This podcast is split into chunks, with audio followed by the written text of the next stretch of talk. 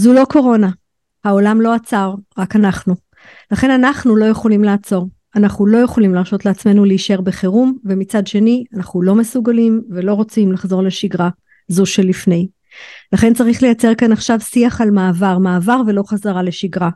מעבר לשגרה עם אנשים שלא חוזרים לבתיהם, ליישובים שלהם, עם ילדים שאין להם בית ספר ולכן צריכים ללמוד במתכונת אחרת, עם משפחות שמתמודדות עם האין, עם הבלתי נתפס, ועם כל המעגלים שמסביבם, שמבינים שגם אם כל זה עבורנו עולם ומלואו, העולם ממשיך לפעול, להתפתח, לחדש. איך ההייטק צריך לארח עכשיו כדי לתת פתרונות לכל מה שאנחנו רואים סביבנו, לחזק את מה שיש, לבנות ולהצמיח ולהבטיח את הדור הבא של החדשנות בישראל. עם השאלות האלה נשוחח היום עם רונן ניר, שותף בקרן PSG וחבר דירקטוריון במכון אהרון למדיניות כלכלית באוניברסיטת רייכמן. הייטק בפקקים, תכף מתחילים. הייטק בפקקים, מבית Start-Up Nation Central. הייטק בפקקים מבית Start-Up Nation Central, אנחנו שוב איתכם מדברים על יזמות, סטארט-אפים, טכנולוגיה ועתיד. אני נירית כהן ואיתי באולפן הווירטואלי היום נמצא הדר חי, שלום הדר. היי נירית. איך הסטארט-אפ שלך ג'יגה עובר את הימים האלה? אנחנו יחסית uh, עוברים את הימים האלה כמובן עם uh, כל, ה, כל הכאב והצער, אנחנו ברמה העסקית יחסית uh, בסדר בגלל ה, הצוות הבינלאומי, אנחנו עובדים בכל העולם, uh, ולכן רק הצוות הישראלי בעצם uh, מרגיש את זה. אפשר עובדים uh, מחפים ו- ותומכים ועוזרים, אז סך הכל בהקשר הזה אנחנו uh, בסדר. זה, זה אגב מאוד מעניין, יש לכם עובדים באוקראינה, נכון. שהם כבר במלחמה שנתיים. נכון. אני שמעתי מישהו, מישהו אמר באיזשהו, אחד הפוסטים, אני חושבת, אנחנו לא רוצים להפוך להיות אוקראינה, במובן של איך יתפסו אותנו כתעשייה. אמ, זה, זה, איך זה, איך זה עובד לנהל עובדים באוקראינה? תראי, בסופו של דבר אה, זה, זה הפך לשגרה. בהתחלה היינו מאוד, אה, זאת אומרת, אה, גם, גם אצלו הייתה הרבה אי ודאות וכולי, ולאט לאט הם, הם התרגלו למציאות החדשה והם עובדים כאילו, כאילו כלום. מדי פעם אומרים שיש אזעקות או דברים כאלה, אבל סך הכל עבודה, עבודה נמשכת כרגיל. כן, כן, זו שאלה מעניינת אם אנחנו רוצים להגיע לשגרה כזאת שנתיים אחרי. מקווה שלא. כן, לגמרי. זה אולי זמן טוב אה, לצרף את רונן, רונן ניר, שותף בקרן PSG, חבר דירקטוריון מכון אהרון למדיניות כלכלית באוניברסיטת רייכמן. רונן, אני עוקבת אדוקה אחרי הפוסטים שלך בפייסבוק, אתה מנתח את המצב, את כל ההשלכות, ומתחילת המלחמה התחלת לדבר על זה שאנחנו צריכים לנהל פה גם את הכלכלה ולא רק את המלחמה. אה, נכון, אהלן, ושוב תודה, שוב תודה על ההזמנה. אה, אה, נכון, כי אני חושב, ועוד פעם, סדר העדיפויות הלאומי הוא כרגע בעיניי מאוד מאוד ברור. מי שצריך להילחם ויכול להילחם, נלחם, וכמובן הביטחון הוא כרגע בעדיפות ראשונה, אבל בעדיפות שנייה ומיד אחריה, אה, זה הכלכלה, מכיוון שכבר היום ברור אה, שגם העלויות הישירות של המלחמה, אבל גם המצב הכלכלי שישראל תיכנס אליו אחרי, וראינו את זה גם בעימותים קודמים ואפשר לנתח את זה קצת, אה, לא יהיה, לא יהיה כתמול שלשום, ויש לנו פה הרבה מה לבנות במדינה מאפס. Uh, כמובן בראש ובראשונה את uh, יישובי עוטף עזה ולדאוג לביטחון לתושבי הצפון, אבל גם חווינו פה תשעה חודשים לא קלים לפני זה, ואנחנו נמצאים באמצעו, עדיין באמצעו של משבר, משבר הייטק עולמי, וכל הדברים האלה צריכים לבנות מחדש, והשאלה היא מאיפה נבנה אותם. ואנחנו מדברים עוד פעם ב- על ישראל עם כלכלה, שאני אומר את זה ולפעמים הייתי אומר את זה בגאווה, והיום אני קצת אומר את זה בדאגה. אין לה כמעט כלום חוץ מהייטק. אה, מדינה ש-18% מהתל"ג שלה הוא הייטק, אם אנחנו משווים את זה למקומות כמו ארצות הברית הגדולה עם כל הגוגלים והפייסבוקים והמייקרוסופטים, אה, ארצות הברית היא מדינה ש-8% מהתל"ג שלה הוא הייטק, ובאירופה 4% מהתל"ג שלה הוא הייטק, הרי בעצם חוץ משירותים אה, חברתיים אנחנו בכלכלה המערבית אז רוב הכלכלה היא כלכלת שירותים אבל אין פה תעשייה אחרת חוץ מהייטק ולכן אם ההייטק אה, לא ידע אה, לשרוד את המשבר הזה ולהמשיך לייצר לא יהיו פה מקורות תקציביים כדי לבנות מחדש את כל מה שאנחנו רוצים לבנות. אני חייב להגיד שבאיזשהו מקום קצת חששתי לפני שכתבתי את הפוסט הזה, כי זה היה ממש כמה ימים אחרי תחילת המלחמה, ואנשים לא היו כל כך במוד וכולי, ומה אתה מדבר על לחזור לעבוד? אמ, ודווקא הופתעתי לטובה מחלק מהתגובות שקיבלתי, שהיו, אה, וואו, הפלת לנו אסימון. בעצם לבוא כל בוקר לעבודה ולהמשיך לעבוד, כל אחד בתנאים שהוא יכול להרשות לעצמו בזמנים אה, אה, קשים אלה. בעיניי זה חלק אה, אדיר מהמאמץ המלחמתי והנחת התשתיות אה, לבנות מחדש את מה שצריכים לבנות פה כשכל זה ייגמר. כן, אני, אני, אני חושבת, אנחנו דיברנו על זה תוך כדי שכתבת את הפוסט הראשון, אבל באמת אני מסתובבת בשבועיים האלה בהרבה מאוד ארגונים סביב חוסן וההגדרה שלי שחוסן זה גם באמת אה, רציפות תפקודית אה, אולי זה בגלל שאני אה, גדלתי באינטל והקונספט הזה שיש לך מפעל של חברה גלובלית בדרום והטילים מתחילים להתקרב וזה מאוד מאוד ברור לך מה יקרה להשקעות העתידיות ולצורך העניין לייצוא של מדינת ישראל אם אתה לא תייצר את הרציפות התפקודית הזאת. אז זה לא זה לא רק מי שמאכיל אותנו ושם חלב על המדפים, זה גם, זה גם שימור החוסן הכלכלי של המדינה. שימור האמון גם בחוסן של הציבור, של היכולת שלנו להמשיך אה, לעבוד נכון. ולתפקד אה, גם במצבים משבריים, ובטח כשיש לנו, אה, וצריך לדבר על זה אולי, יש לנו עוד חיזבאללה בצפון, זאת אומרת, אני חושב שיש פה שני מצבים שיכולים להיות, או מצב של הסלמה, שצריך לדבר על איך זה יכול להשפיע, או מצב של אי הכרעה. ואי הכרעה זאת גם בעיה.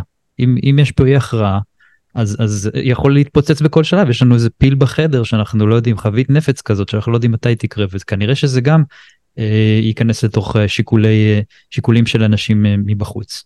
אז אתה מאוד אז אתה מאוד צודק ועוד פעם לא אולי לא נפתח את סוגיית המערכה בצפון אה, כי אפשר לעשות אפשר להקדיש לזה פרק שלם אבל אנחנו אה, אז אני וחבריי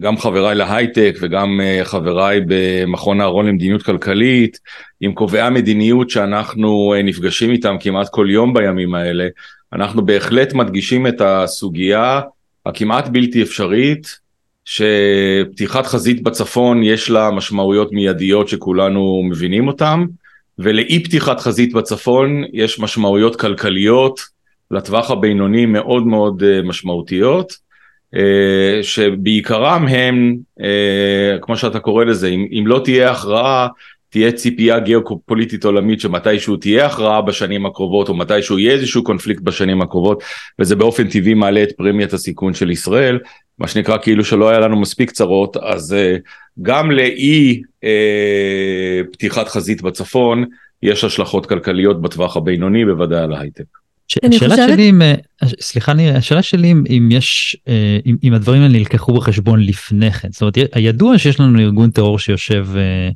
אה, שיושב בצפון, והשאלה אם, אם בגלל ההתפוצצות הזאת זה כאילו ניפץ גם לאנשים מבחוץ איזה משהו של, זה יכול להפוך למלחמה גדולה מחוץ לישראל מאוד. אתה שואל?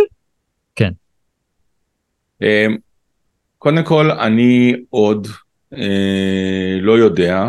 כי אני חושב שאנחנו נמצאים אה, עדיין בתוך אירוע ומנסים לנהל אותו אה, גם אה, אל מול האנשים בחו"ל שאנחנו מדברים איתם, אז אני לא כל כך יודע להגיד בצורה חד משמעית.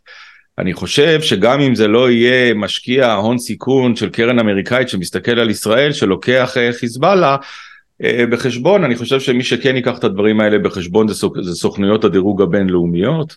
שהם כן יש להם איזושהי מתודולוגיה של ניתוח המצב הגיאופוליטי אה, כריסק על, על מצב הכלכלה אה, ואם הם יבואו ויגידו שיש פה איזושהי סכנה לטווח הקצר להתלקחות חזית נוספת בשנים הקרובות זה עלול לבוא לידי ביטוי בהורדת הדירוג והורדת הדירוג היא משהו שנלקח באופן ישיר בדברים כמו אה, הדירוג, הדירוג של הבנקים ודירוג החוב של ישראל אה, ודברים כאלה ובצורה עקיפה אבל גם על, אה, נקרא לזה על מידת הרצון של משקיעים כאלה ואחרים לחשוף את עצמם לישראל. אז אני לא בטוח שבישיבת שותפים של קרן הון סיכון עולה, עולה סוגיית ניתוח חיזבאללה, אני כן חושב שזה עלול לבוא דרך סוכנויות הדירוג. שזה כמובן ישפיע עליהם בסוף. אז וזה, זה, אתה בעצם עשית ניתוח, אני חושבת באחד הפוסטים שראיתי על, ה, על, על, על למה זה דומה. כן, כי, כי יש בי משהו שרוצה להגיד, נו, אבל מה חדש? זאת אומרת, אתה יודע, מלחמה בצפון, מלחמה בדרום, מלחמה בצפון, כל פעם אנחנו היינו מקבלים את זה ממקום אחר, ואנחנו מתנהלים ככה כבר המון המון שנים, ובכל זאת, הגענו לאן שהגענו. אז מה חדש? אז באמת אחת המתודולוגיות, אחת המתודולוגיות לנסות להבין מה יהיה, הוא להסתכל מה היה ולראות מה היה ולנתח את השונה. אה, זו מתודולוגיה דרך אגב שמשתמשים בה גם במשרד האוצר ובבנק ישראל כשהם מנסים עכשיו להבין מה התרחישים הכלכליים הרלוונטיים לשנים הקרובות. אני חושב שגם אצלנו בהייטק אנחנו יודעים לעשות את זה אה, ובסך הכל אני חושב שיש לנו לא מעט אירועים אה, בחמישים שנה האחרונות המהותי בהם הוא מלחמת יום כיפור אחר כך אנחנו נוטים לקפוץ כמעט שלושים שנה קדימה אבל לנתח גם את גל הפיגועים של 96, את האינתיפאד, את בועת הדוט קום של 2000, את האינתיפאדה השנייה של 2001-2002, את המשבר הכלכלי של 2007-2008, של 2008-2009, את מלחמת לבנון השנייה של 2006 ואת צוק איתן של 2014, בסדר? זאת אומרת אלה, אלה בגדול האירועים שבו אה, חווינו, שבו אנחנו יודעים לנתח גם מבחינה מקרו-כלכלית מה קרה למדינה ומה היה ההתאוששות שלה, אה, ו... אה, וגם סוגיות שלנו פרטיות. גם סוגיות שקשורות להייטק לפחות ב, באירועים שציינתי שהיו ב-20 שנה האחרונות. ומה, ומה תרחיש הייחוס הסביר מבחינת האירועים האלה כרגע ברמה הכלכלית? אז תרחיש הייחוס הסביר שאנחנו, שאנחנו מנתחים אותו כרגע אה, שוב בלי להיכנס ליותר מדי פרטים, אבל אומר אה, פעילות משמעותית אה, בחזית הדרום, שתיקח ככל הנראה עד סוף הרבעון הנוכחי, עם גיוס מילואים מסיבי, ועם בוא נקרא לזה חזיתות אחרות, בין אם זה לבנון, בין אם זה יהודה ושומרון, בין אם זה, לא יודע מה, תימנים בא לכם, וכולי, ששם צריך לשמור על איזושהי כוננות גבוהה אה, ואולי אירועים ביטחוניים אבל לא יתפתח לגבי חזית כוללת. ואז במהלך 2024 ודרך אגב פה נמצאות הדעות החלוקות בין הגורמים השונים עד כמה מהר נחזור לשגרה. אה, גם אם אנחנו נניח לצורך העניין שפעילות אה, צבאית משמעותית בעזה תסתיים עד סוף הרבעון יש כאלה שאומרים יופי אז ב-1 בינואר 90% מהמשק יחזור לקדמותו ויש כאלה אומרים מה פתאום זה ייקח עד אמצע 2024 ואולי אפילו עד המחצית השנייה של 2024 שזה יקרה וכמובן שכל המודלים שאנחנו יכולים לעשות על פעילות כלכלית במדינה וכתוצאה מזה מה זה המשמעות על הריבית ועל האינפלציה ועל האבטלה ועל, הצמיחה ועל היחס חוב תוצר וכנגזרת מזה גם על הפרספציה של ישראל בעולם וכן או לא משקיעים וכן או לא חברות דירוג כל המודלים האלה מאוד מאוד רגישים להנחות היסוד האלה. עכשיו מכיוון שאף אחד לא יודע להגיד אז אה, מה שנקרא כל אה, כל מודל שהמאזינים רוצים לפתח לעצמם הוא טוב אה, כמו המודל שלנו, אני רק יכול להגיד שזה תרחיש הייחוס שאנחנו מתייחסים אליו, פעילות אה, בעצימות גבוהה עד סוף 2023, ואחרי זה חזרה הדרגתית לשגרה כלכלית לפחות, אה, שתיקח עד אמצע 2024. רונן, תרשה לי רגע להפריע לך עם שאלה, יש פה אבל מצב אחד שבאמת לא דומה לשום דבר שהיה פה אי פעם, וזה העקורים. ואגב הם נמצאים גם בדרום וגם בצפון אז זה נכון שזה לא מרכזי תעשיית הייטק אבל יש הרבה מהאנשים שעובדים בתעשיות או שהמעגלים אתה יודע השניים והשלישיים שלהם מושפעים ש, שהם הם, הם אשכרה עקורים.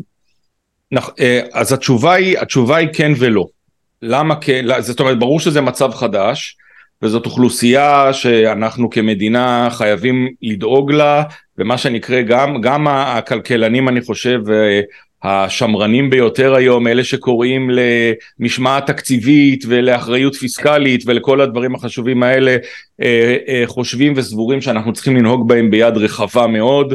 אה, אה, לא רק בגלל שזה הדבר האנושי וההומני לעשות לאנשים שעברו טראומה כזאת גדולה, אלא כי בסיכומו של דבר להחזרת תחושת הביטחון של אזרחי המדינה במדינה ובמוסדותיה, יש משמעות כלכלית מאוד מאוד גדול, אה, גדולה גם כן. ולכן אין ספק שיש פה אירוע שאנחנו צריכים לטפל בו. למה אני אומר לא?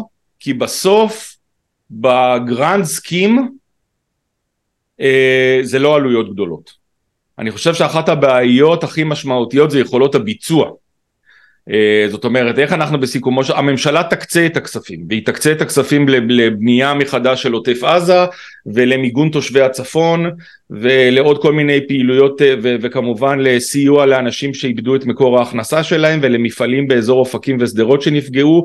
אה, הכסף לזה יימצא ויימצא מהר.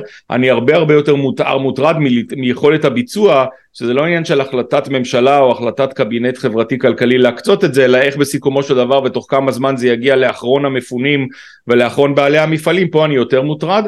ב-overall אה, עלויות ישירות של המלחמה לא מדובר בסכומים שהמדינה לא יכולה לעמוד בהם. אוקיי, okay, אז אם אנחנו נצמצם את עצמנו רגע לתעשייה שלנו לצורך העניין, אתה אומר מתישהו איפשהו בתחילת הרבעון הראשון של השנה הבאה, אנחנו נראה את התעשייה מסוגלת להחזיר את, אה, את האנשים למיקוד לתעשיית ההייטק? כן. תעשיית ההייטק? לא, הרבה לפני. תעשיית okay. אוקיי. ההייטק, אני חושב שתעשיית ההייטק בסיכומו של דבר כרגע,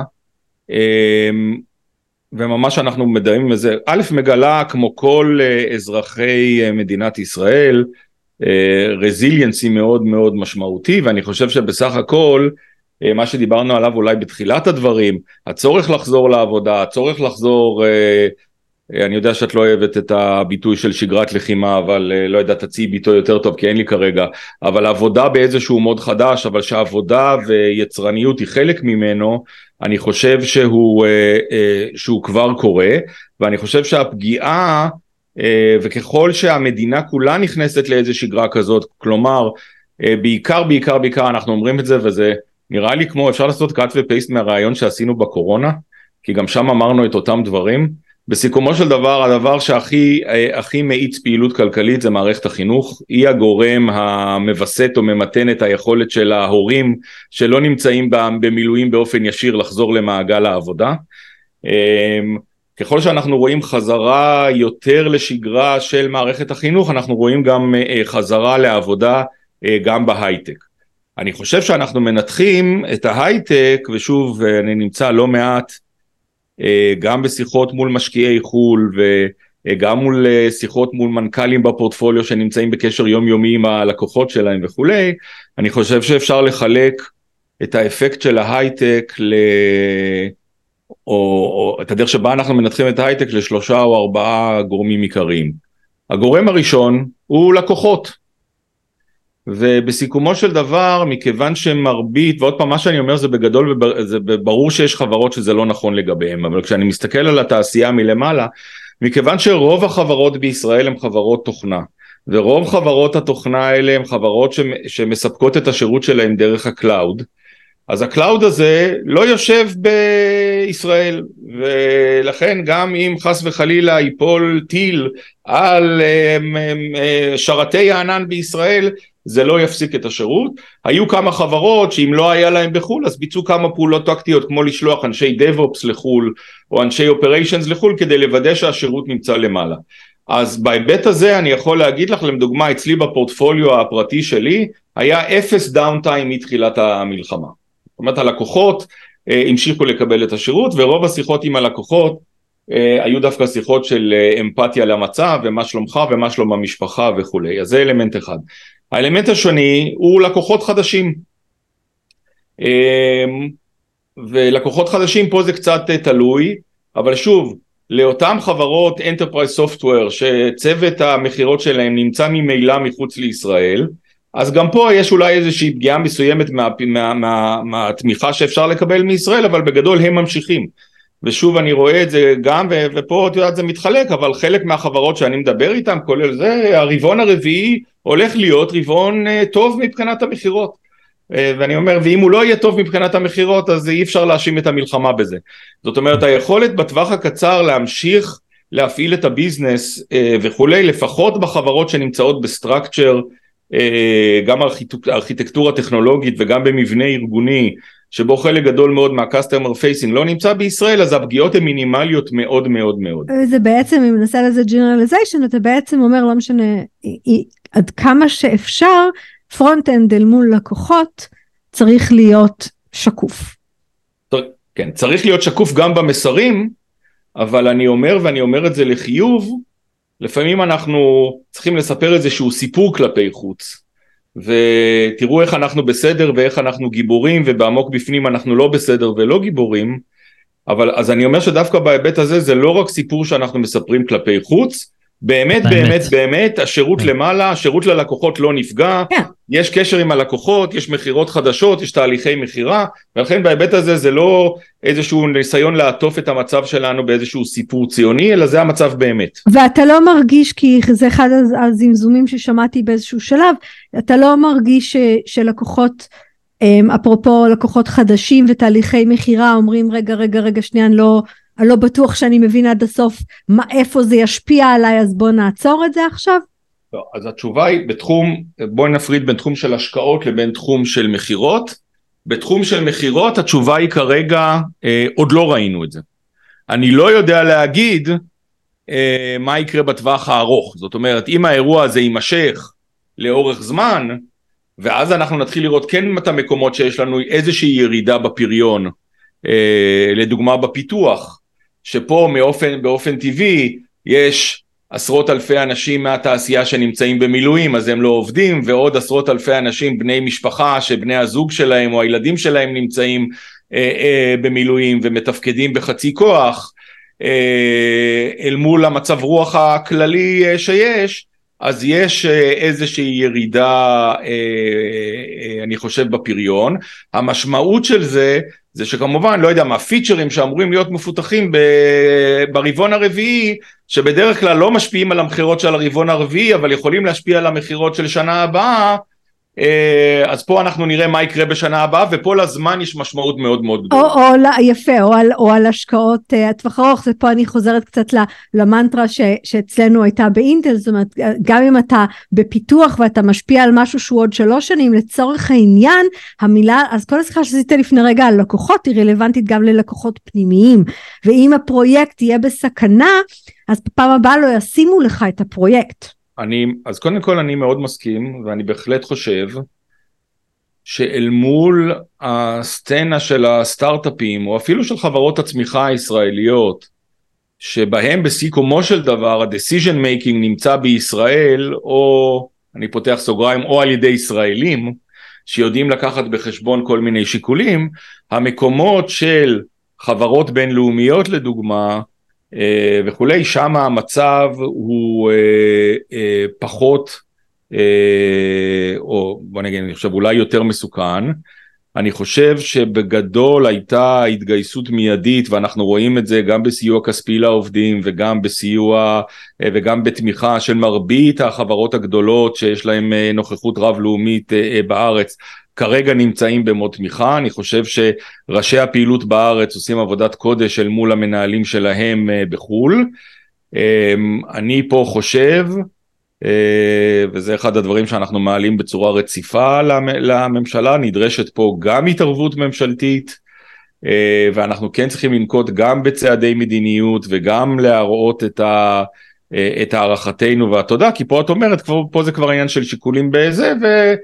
יכול להיות שלא יסגרו את הפרויקטים הנוכחיים, אבל כשיבואו לחשוב איפה יהיה הפרויקט הבא... כדי להשקיע. כן, כן, ברור בישראל. שלא יסגרו את הפרויקטים הנוכחיים, אבל זה, השיחה הזאת היא רלוונטית לפרויקט הבא בחברה רב-לאומית, והיא רלוונטית למשקיע שיחליט איפה לשים את הכסף שלו. נכון, אז, אז, אז אני אומר, אז באמת שני המקומות שבהם אה, לטווח הבינוני יש פה, יש פה סכנה, זה באמת חברות הרב-לאומיות, ואני לא יודע מה יהיה. והדבר השני הוא המשקיעים, שפה אני רוצה להגיד משהו ב... קצת בהפוך על הפוך. אני לא יודע מה יהיה, אבל גם לפני המלחמה חשבנו שלא יהיה טוב. קרי, אנחנו חווים ירידה דרמטית בהשקעות ל-2023, שרובה הגדול, רובה ככולה נובע ממשבר ההייטק העולמי שלהזכיר לכולנו עוד לא נגמר והריביות לא יורדות כל כך מהר והצמיחה בארצות הברית לא כל כך uh, מתאוששת והנסדק שעשה ביצועים מאוד יפים במחצית הראשונה של שנת 2023 uh, חזר לירידות ברבעון השלישי uh, ובתחילת הרבעון הרביעי. ולכן אנחנו נמצאים באיזה ו, ו, ו, וזה רק ההייטק והיה, והיינו כולנו עסוקים בדיונים לפני המלחמה עד כמה המהפכה המשפטית שהיא ייחודית לישראל הריעה את המצב עוד יותר או לא עוד יותר וזה לא כל כך משנה כרגע כי גם, וגם קשה מאוד מאוד למדוד ולהפריד את הדבר הזה. אבל אנחנו כבר רואים ללא קשר אה, למלחמה שהייתה ירידה דרמטית בהשקעות ואני חשבתי שהירידה הזאת בהשקעות היא אה, פרמננטית למשבר ההייטק העולמי. זאת אומרת הירידה הזאת שאנחנו רגילים או המספרים האלה שאנחנו רגילים לראות של ה-15 מיליארד דולר ו-27 מיליארד דולר שהיה לנו ב-2021 וכל המספרים האלה שיגמרו השנה בין 5 ל-6 הם ייגמרו השנה בין 5 ל-6 ואני בכל המודלים ובכל הדברים שאני כותב עליהם ובכל המחקרים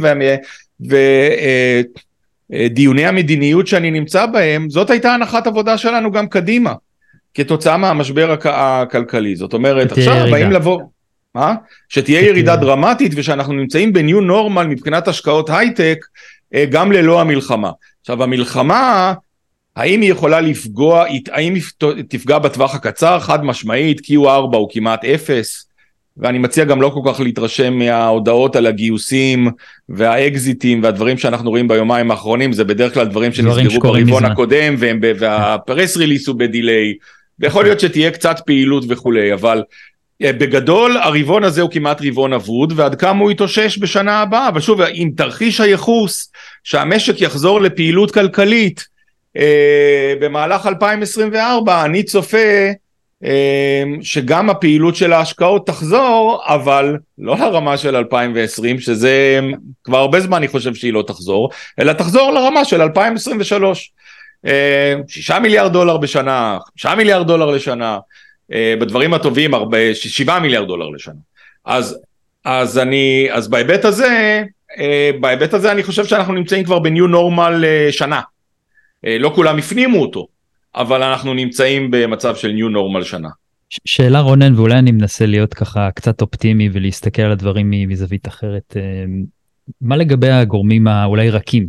זאת אומרת, אנחנו בעצם אה, ראינו במלחמה הזאת עם כל הכאב והדברים הנוראים שקרו, התגייסות יוצאת דופן וחוסן יוצא דופן של החברה הישראלית, שאני חושב שגם הפתיע אה, הרבה גורמים שהסתכלו עלינו מחוץ ו- וקיבלו מסרים של חברה בהתפוררות ו- אה, וחברה שהיא אה, הולכת לסוג של אבדון, אני חושב שזה הפתיע גם את, ה- את האויבים שלנו. יכול להיות שהגורמים הרכים האלה ו- ובטח יציאה מתוך השבר הזה של המלחמה והחוסן הלאומי שלנו, יכול להיות שהדברים האלה יכולים בסוף להיות איזשהו גורם מאזן לכל המשברים ש- שהולכים לפקוד אותנו גם בהקשר הכלכלי.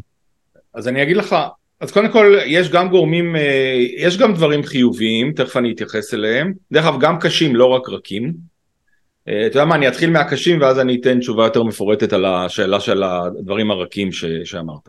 אז קודם כל יש גם, כן אז יש פה יש שני, יש שני דברים, הדבר הראשון זה הדולר, אה, ואם חשבנו שהדולר שאותו כן אפשר לקשור ישירות לאירועי המהפכה המשפטית שהיו, אה, אז אני חושב שעכשיו די ברור, בגלל סביבת המקרו-כלכלה שתיווצר פה הרבה המלחמה, שהדולר, אה, ארבעה שקלים לדולר הוא מה שאנחנו נוהגים לקרוא בשפה הכלכלית פרמננטי. זאת אומרת, לטווח התחזיות הוא נשאר ככה. המשמעות של זה אה, ועשיתי את זה באחד הפוסטים ויכול להיות שאני באחד הפוסטים הבאים שלי אפילו עושה את החישוב המתמטי צריכים להבין את המשמעות המשמעות של הבדל של דולר 3.4 מול 4 הוא אה, שווה ערך להשקעה של 3 עד 5 מיליארד דולר נוספים בתעשייה בסדר? זאת אומרת המשמעות היא שאם אנחנו אומרים וואו 2023 תהיה שנה נוראית מבחינת אה, אה, רק חמישה או שישה מיליארד דולר השקעות הון זר בישראל, שזה אמרנו קודם. בשקלים ובמה שאפשר לעשות בש... עם זה, זה הרבה יותר גדול. כן, המשק פה יותר אטרקטיבי. בסדר? זאת אומרת, יכולת הקנייה השקלית היא קרובה פה לעשרה מיליארד דולר, ועשרה מיליארד דולר זה כבר, אה, אה, זה כבר מספר שהוא לא כזה גרוע, בסדר? הוא לא כזאת נפילה גדולה, ולכן אני חושב, ואני, ואני מציע גם כן, דרך אגב אני מציע את זה, זה, זה נושא לשיחה אחרת, אבל ה, אני חושב שהיה, ה, ה, זה שאנחנו כולנו בתעשייה נאחזים בתור מספר רמת ההון הזר שנכנס לישראל בתור ה-KPI שמצביע על בגרות התעשייה, אני חושב שהוא טיפה מתערער. יש פה גם את שער החליפין שהופך להיות חלופי, ו-God forbid, חלק מהחברות, בגלל המשבר הכלכלי בגלל זה, יהפכו להיות עם תזרים חיובי, הפכו להיות רווחיות, והתלות שלהם והיכולת שלהם להעסיק עובדים וכולי תרד בתלות בהון הזר. כמובן שההון זר זה עדיין גורם צמיחה מאוד משמעותי, אבל אם פעם כל החברות, ב, לפחות באזור הסטארט-אפים, היו הפסדיות ולכן היעדר השקעות הון מחו"ל שווה קריסה של הסטארט-אפים, זה לא בהכרח המצב אה, שיהיה עכשיו כשמביאים לי בחשבון את, את שער הדולר ואת העובדה שהחברות שורפות הרבה פחות כסף אה, מזה, בסדר? אז זה דבר אחד שהוא חיובי. אה, הדבר השני, יש סקטורים, הזכרת כי באמת אה, הזכרתי כתבתי אותו, אבל עוד פעם, בכל הסטטיסטיקות שאנחנו רואים של הלשכה המרכזית לסטטיסטיקה ושל בנק ישראל וכולי, כשמדברים על ההייטק, בתוך ההייטק נמצאות גם התעשיות הביטחוניות, הם חלק מה-400 אלף המועסקים שיש בהייטק, ואנחנו רואים עלייה דרמטית בצבר ההזמנות של, של התעשיות הביטחוניות. אה, כתוצאה מהמלחמה באוקראינה דרך אגב, עוד הרבה לפני המלחמה בישראל. כן, זה בעצם, זה ראינו עוד קודם, ראינו... ובעצם אני... מדובר פה בסקטור שאם אנחנו רואים 20 שנה של ירידה הדרגתית בתקציבי הביטחון בעולם, יש היפוך מוחלט ועלייה כן. דרמטית של תקציבי הביטחון, ולכן החברות האלה שבמשך הרבה שנים ולפני שהיה פה הייטק אזרחי כל כך, זה הם אלה שהחזיקו את הייצוא במדינה, הם חוזרים קצת למרכז הבמה. אה, וכמובן שיהיה להם חלק אדיר בבנייה מחדש של צה"ל ובהתעצמות מחדש של צה"ל ובמילוי המלאים וכולי.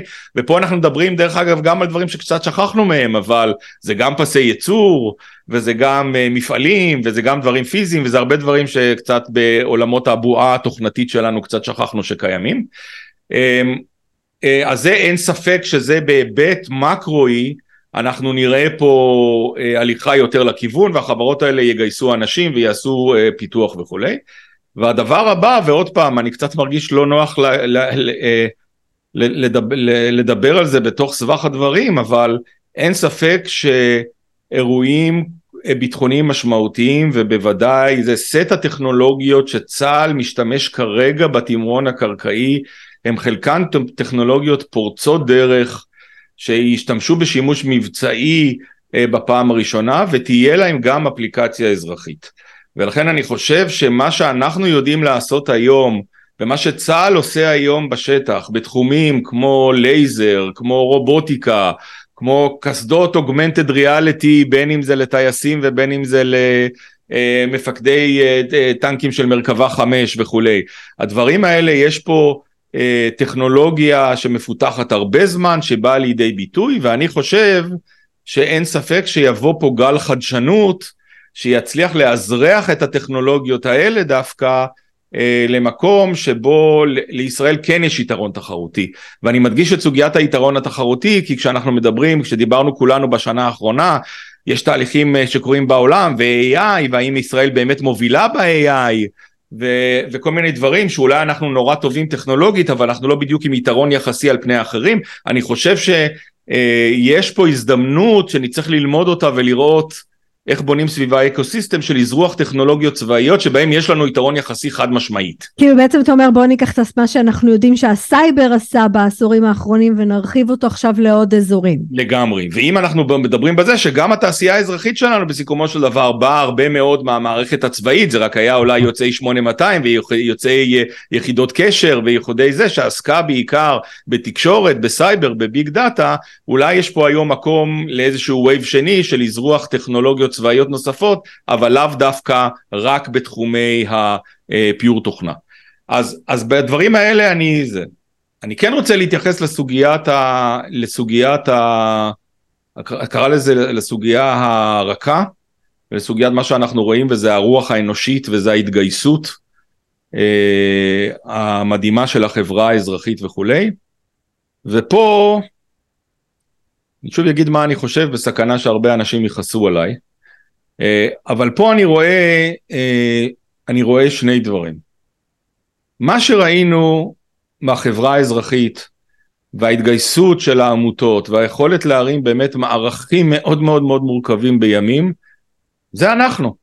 אנחנו יזמים, אנחנו יודעים לחשוב מחוץ לקופסה, אנחנו יודעים לשים הכל הצידה, אנחנו יודעים לשנות priorities, אנחנו יודעים לעשות אה, זה, וכמובן שזה בא עם איזושהי אה, אה, תחושה אמיתית אה, מלמטה, מהקישקס, יש לה משמעות מאוד מאוד גדולה. אה, אבל, וזה אבל, אני גם לוקח את הצד השני. והצד השני, אני דווקא מסתכל רגע על המערכת הציבורית, ובאנלוגיה נעשה לזה גם על המערכת העסקית ובדגש על ההייטק. הפער המאוד גדול שראינו בין גבורת הלוחמים וכיתות הכוננות בשביעי באוקטובר, ובאמת סיפורי גבורה אדירים של יחידים, אל מול קריסת המערכות, גם המערכת הצבאית וגם המערכת הציבורית האזרחית וכולי, בעיניי גם מדגישה את הפער שאנחנו תמיד מדברים עליו, שזה הפער בין היכולות היזמיות לפעול, לפעולות הניהוליות. אה, זאת אומרת, יש לנו חיילים מעולים, ויש לנו אנשים מאוד מאוד טובים בקצה גם במערכת הציבורית, ואיכשהו כשהם מגיעים לפקד על מערכות גדולות ומורכבות, משהו לא עובד. ואנחנו כל הזמן מדברים על המעבר מה start-up nation ל scale-up nation, ואני חושב שמה שאנחנו ראינו זה שתמיד אמרנו זה בהייטק וכולי בזה, אבל היעדר היכולות הניהוליות הפכו להיות כמעט סכנה קיומית למדינת ישראל. ואני מאוד מוטרד מזה. ולכן אני בא ו... סליחה שאני זה זה קצת כמו אתה יודע בסוף בשביל סטארט-אפ אתה צריך to, to hustle לעשות קצת חפלאפ קצת uh, למצוא את הדרך. וכשאתה רוצה לבנות מערכת מורכבת ושהיא תתנהל בצורה נכונה ו- ו- וכמו שצריך אז אז התרבות צריכה מאוד מאוד להשתנות. מאוד. ואז אני אומר ואני מנסה להגיד את זה גם לגבי אה, גם לגבי ההייטק הישראלי בסדר? שבעיניי ברמה הלאומית המקרו לא השכיל להפנים מספיק מהר לדוגמה את השינוי בהייטק העולמי ואת המשבר ואת העובדה שמדובר במשבר פרמננטי ו, אה, אה, וכולי. ואני זוקף את זה גם להיבטים שבאמת יכול להיות יצירת תמונת מצב אמיתית גם עסקית וגם זה ולנסות ולהסיט את הארגונים וראינו את זה ביתר שאת במערכת הזה. ועכשיו אנחנו אם אנחנו לוקחים את כל אותם עמותות מהותיות וכולי ואנחנו אומרים בסדר זה מדהים. ולא יודע מה או שהממשלה תשתפר או שאנחנו נצטרך להימש... להיסמך פה יותר על המגזר השלישי ועל הזה, אז איך עושים את זה? אז איך שמים לזה תשתיות? אז איך גורמים לזה שהארגונים האלה לא אה, ייעלמו מהר? כי אי אפשר להחזיק אותם במשך שנים על מערך של מתנדבים ומערך של לוגיסטיקה וכולי בזה. זאת אומרת, אז מצד אחד אני אומר, המלחמה, האירועים האלה בעיניי הקצינו את שני הדברים. הם הקצינו את היכולת היזמית היוצאת דופן ואת הפוטנציאל שזה יביא לנו לגל חדש של חדשנות שכל זה ייגמר והם גם בעיניי אבל הרחיבו את הפער הניהולי שיש לנו את העובדה שאנחנו מדינה של עשרה מיליון תושבים כבר זה לא קטן המערכות שאנחנו צריכים לנהל פה הן מערכות מסובכות ו, אה, וכל אחד בין אם הוא במגזר בין אם הוא מפקד בצבא ובין אם הוא מנהל במגזר הציבורי ובין אם הוא מנכ"ל בהייטק אה, אני עדיין מרגיש פה את הפער הניהולי שקיים שיצליח להביא אותנו למקום שמסוגל להכיל את המדינה המורכבת שאנחנו. אתה יודע רונן המקום שקצת קשה לי מה שאתה אומר זה מרגיש לי שאתה מוותר. אמ, אנחנו כן הצלחנו השכלנו לייצר לעבור מ start-up nation שהדבר הזה שאתה מחפש אותו זה אקזיט למקום שבו אנחנו מצליחים ניהולית וארגונית ותרבותית לייצר כאן חברות שיודעות לנהל את עצמן ולנהל מערכות יותר מורכבות ו, ולהפוך להיות בעצם יוניקורנים גם, גם מבחינת גודל והיקף. אז אני מסתכלת היום על, על מה שקורה בחברה האזרחית, גם בחברה האזרחית כשהיא התארגנה מיום שבת בצהריים כבר, יש שם יכולות ניהול של מערכות מורכבות עם לוגיסטיקה וניהול של אנשים אגב בכאוס מוחלט כי זה בלי מבנה ארגוני ובלי סמכות ובלי היררכיה וכל זה שהופך ארגון.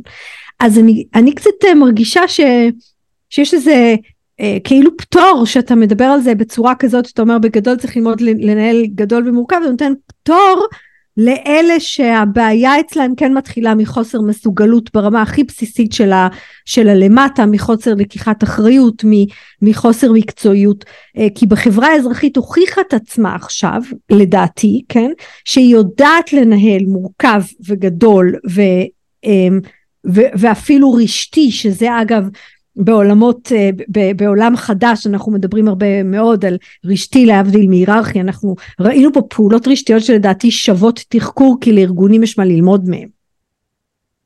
אמ, שני דברים, א' אני מסכים איתך, ב' אמ, ובאמת היו פה יכולות, באמת הרימו פה מערכים אה, מאוד מאוד מורכבים.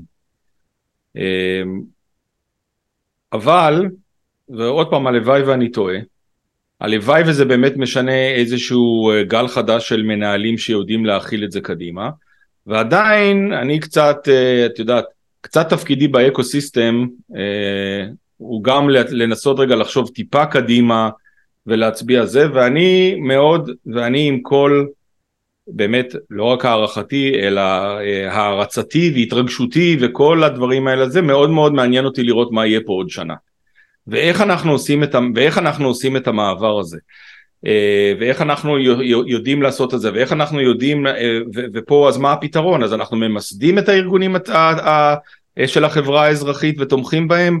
אז אותם אנשים שהם באמת אנשים שהם מהמנהלים הטובים ביותר במגזר העסקי שיש לנו שלקחו איזשהו פסק זמן מהחיים כדי אה, לעזור להציל פה מדינה אה, איך אנחנו גורמים לחלק מהם להישאר לאורך זמן ולהביא את היכולות הניהוליות, איך אנחנו יודעים להעביר את היכולות הניהוליות שאולי במקומות מסוימים בהייטק הצלחנו להפוך אותם ל scale-up nation אבל רק במקומות מאוד מסוימים ואיך אנחנו באופן תשתיתי יותר מעלים את היכולות הניהוליות ועם הזמן בשאיפה גורמים להם לחלחל גם למערכת הציבורית, הצבאית וכל מיני המקומות האלה שאולי, שאולי שם אנחנו רואים באמת בעיות שהן יותר אמיתיות. אז אני, אז אני מצד אחד, ולכן, זה, ולכן זו תשובה מורכבת אמרתי לאדם. כן. מצד אחד אני מאוד מאוד אה, אה, נפעם ומעודד ממה שהיה אפשר לעשות ברוח היזמית, ומצד שני, אוקיי, ואיך אנחנו גורמים לזה עכשיו כחלק מתהליך הבנייה מחדש של כן. המדינה, כן.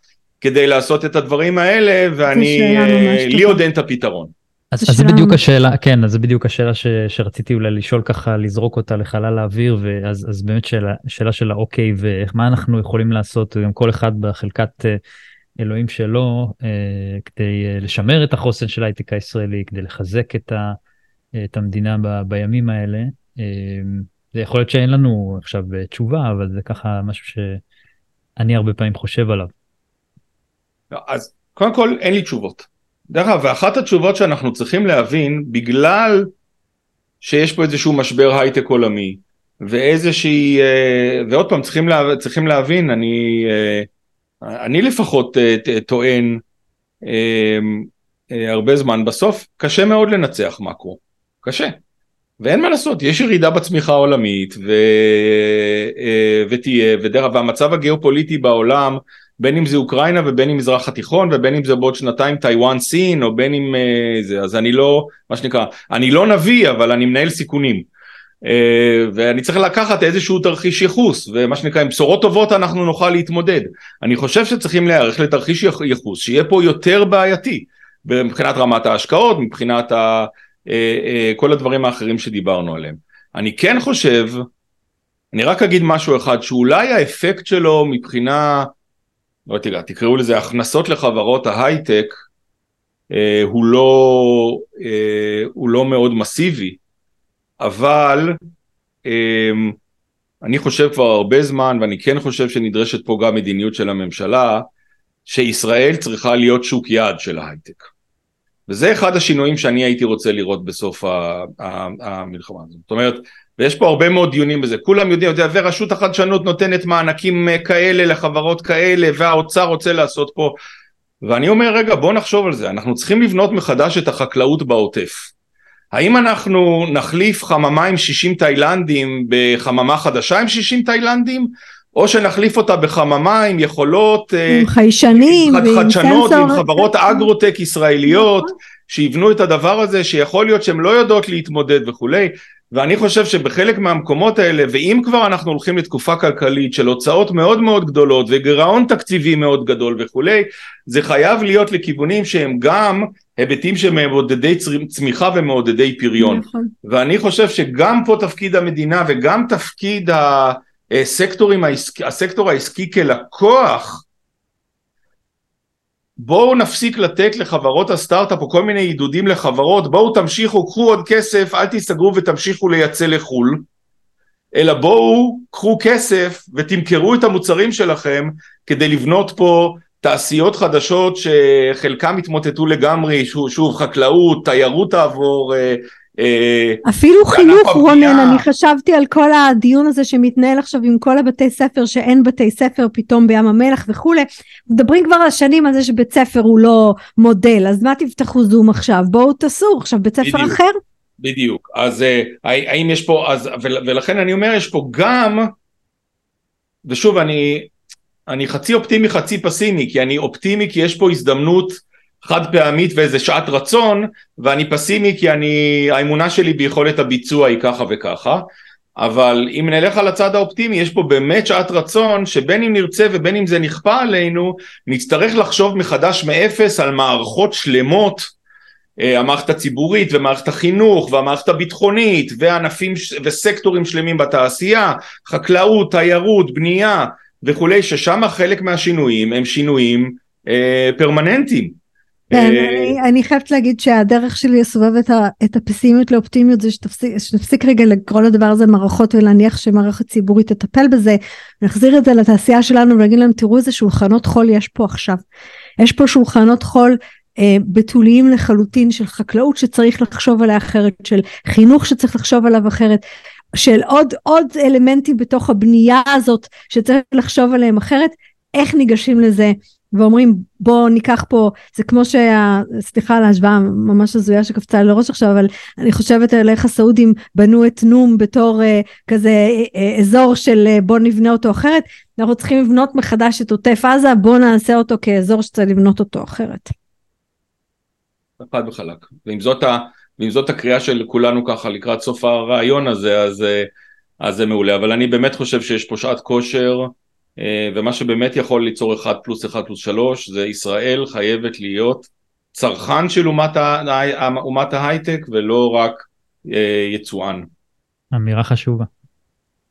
מעולה אז uh, נראה לי זה באמת אקורד סיום תודה רבה רונן ניר שותף בקרן PSG חבר דירקטוריון מכון אהרון למדיניות כלכלית באוניברסיטת רייכמן ואם אתם לא עוקבים אחרי הפוסטים של רונן בפייסבוק ובלינקדאין אז כדאי לכם. אדר מה אתה אומר לסיום? שסיימנו פה עם אה, אקורד מאוד חזק. כן.